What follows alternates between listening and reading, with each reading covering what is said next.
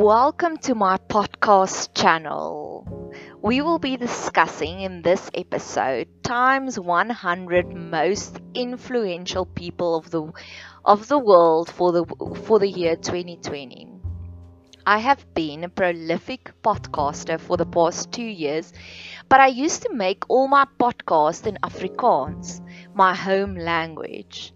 I have decided to start juggling to start working a little bit with my second language, English, trying to make this podcast channel open for an international market.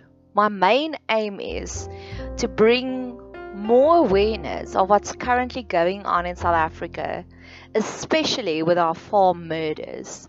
So I will be using this podcast just to shine a little bit light on South Africa and especially the atrocities that our farmers have to endure on a daily basis. Please make contact with us if you'd like to know more. We are on Facebook, we are on Instagram. Please leave a comment in the comment box below if you'd like to have more information. Our name is our ministry's name. We've got a ministry for women, helping them to find their way towards emotional healing. We call ourselves a Hebrew name Bet Seber, literally meaning house of hope. I will spell it for you B E T S E B E R. Bet Seber, also the name of this podcast channel.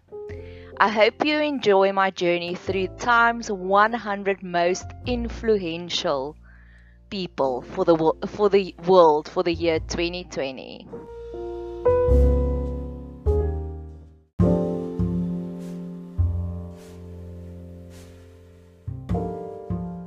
Times 100 most influential people. We are talking about Camilla Roth.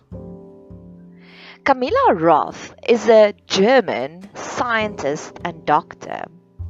And she was the first doctor early in January to recognize, identify, and speak up about the coronavirus ability to be transferred to other patients by somebody who's asymptomatic, by somebody that doesn't even know that they are a carrier of the virus. She spe- spoke out about this concept. Initially, fellow scientists tried to ignore her, tried to silence her. The WHO, the World Health Organization, actually tried to shame her, to say, You don't know what you're talking about. They were involved in a, sem- a semantics battle to say, Is this original patient asymptomatic or is she just experiencing such low symptoms that she doesn't even know she's sick? But later on, scientists started believing her and they started seeing with their own eyes what Camilla Roth identified in January. I think we all am a Camilla Roth in sometimes in some situations. There are times when we see the truth and we speak out about it and we are being ignored or we are even being shamed publicly. So, Camilla Roth, thank you. Thank you so much, not for stepping back, even when you were insulted. This makes me think of the song in Shrek, I'm a believer. Because you truly believed in the truth that you stumbled upon. Thank you for not keeping silent about it. Thank you for having the guts to say something about it. But on this topic, in this week, it's week 46 of the year 2020, I actually want to spend more time praying for the Americas, especially. I've heard this news report about the coronavirus that for seven consecutive, consecutive days there has been 100,000 new people diagnosed with COVID for seven days. Seven days, 700,000 people, almost a million people. And this got me thinking, and I did some research on the topic. First, did some research, then I contacted two people that I know one in North America in Canada, one in South uh, America, Brazil. And I asked them, please tell me what's going on there because it blows my mind. Why is the Americas so hard hit? This the statistics, and I hope I can explain it to you in a way that you can also see the bigger picture. Asia. Asia is the continent with most people, 4 billion people staying there.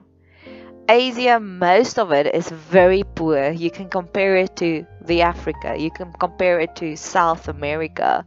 You think about India, think about the slums, think about Pakistan, think about Bangladesh. The people there stay in horrific circumstances.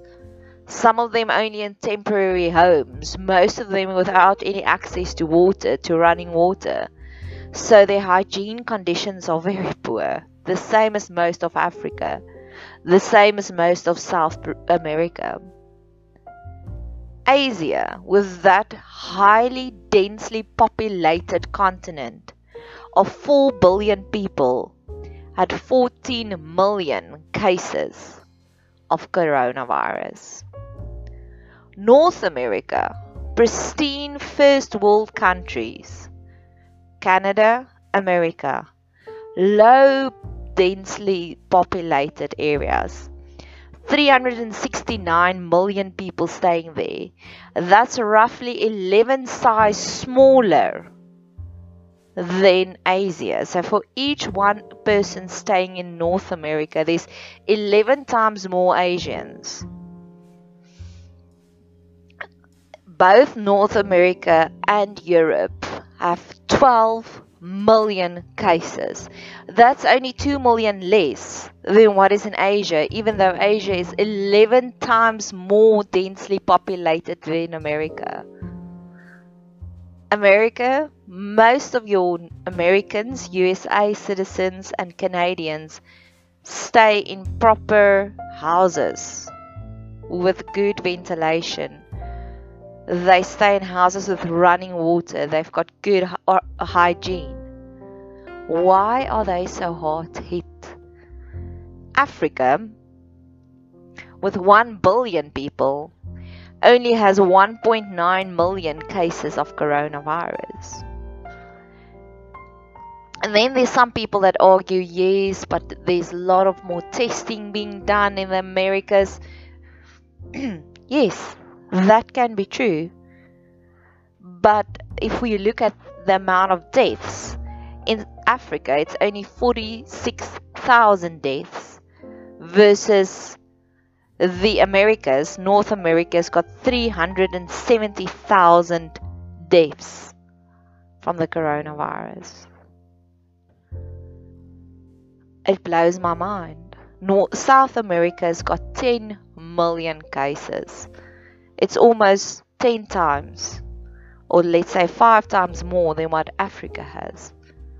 Also, third world countries, also very poor countries. So, this is my prayer. I have heard theories of saying that because the North Americas are living such a hygiene conditions and lifestyles the immune systems over generations has been weakened where we especially we as south africans are daily exposed to loads of viruses because most of our fellow south africans do not live very hygienic lifestyles. So we can wash our hands but the moment when you touch that trolley in the spa or in the supermarket you are exposed before the days of sanitizers. So we are exposed to a lot of germs, which is also a good thing because lots of germs boosts and strengthens our immune system. Then there's people that say yes, it's because South Africa has gone into a very strong and strict lockdown. Yes, we have. Whereas my resource from Canada told me that in the cities in Canada, it is very regulated that you have to wear a mask. But as soon as you go into the countrysides, nobody wears masks. Tanzania went in no lockdown. As far as I know, they are not wearing any masks. And they only had 500 cases of the COVID virus. Their population is 60 million. Our population is 55 million. No masks, no lockdown, 500 cases, 21 deaths in Tanzania. Then we can look at Sweden. Sweden, also no lockdown, they believed in herd immunity.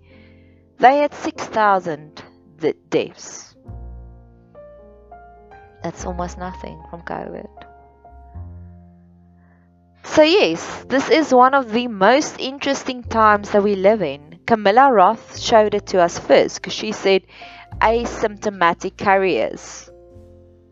But I want to pray for the Americas. I want to say, Lord, first of all, thank you. Thank you for protecting Africa. Thank you for protecting South Africa. When the first news of COVID in South Africa arrived here, I did a lot of intensive praying, especially for South Africa to be protected. Our president, President Cyril Ramaphosa, asked for a nationwide prayer session on the 26th of March to protect, keep, and bless South Africa.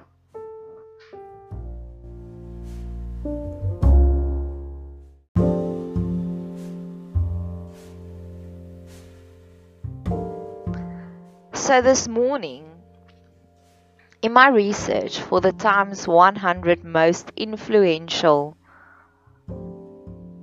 people, I'm dedicating this podcast more to a prayer, especially to the Americas, especially to Europe. May God keep, bless, protect the Americas and Europe. May God send, send in His healing angels to remove this virus in those continents because we need them. We need the strong warriors. We need the Europes, Europe. We need the Americas. I believe we all are brother's keepers, and we can only be our brother's keepers when we are strong, fit, and healthy. The same way I was on a Indiana Jones treasure hunt for protection and for miracles in South Africa. And when the lockdown started, I witnessed daily miracles. I would like to see the rest happening, especially in the Americas, especially in the USA. So, yes, may we keep them in our prayers. May they feel our prayers. One of my favorite inspiration stations is Rob Bell, and I can see how he's also getting quieter and quieter on his podcast channel. And I also know when your life is in danger, when you are fearing a virus, it's difficult to be creative. So please, may God send His love and His miracles so that all of the Americas can have a beautiful Christmas. It's almost Christmas time. Thank you, Camilla Roth, for not keeping quiet. Thank you for showing us how to be a believer, like the song in Shrek. May we all take courage from her. If we believe something and everybody else tells us that we are wrong, because my story is I believe God protected us, Africa. And I want Him to do the, re- the same for the rest of the world.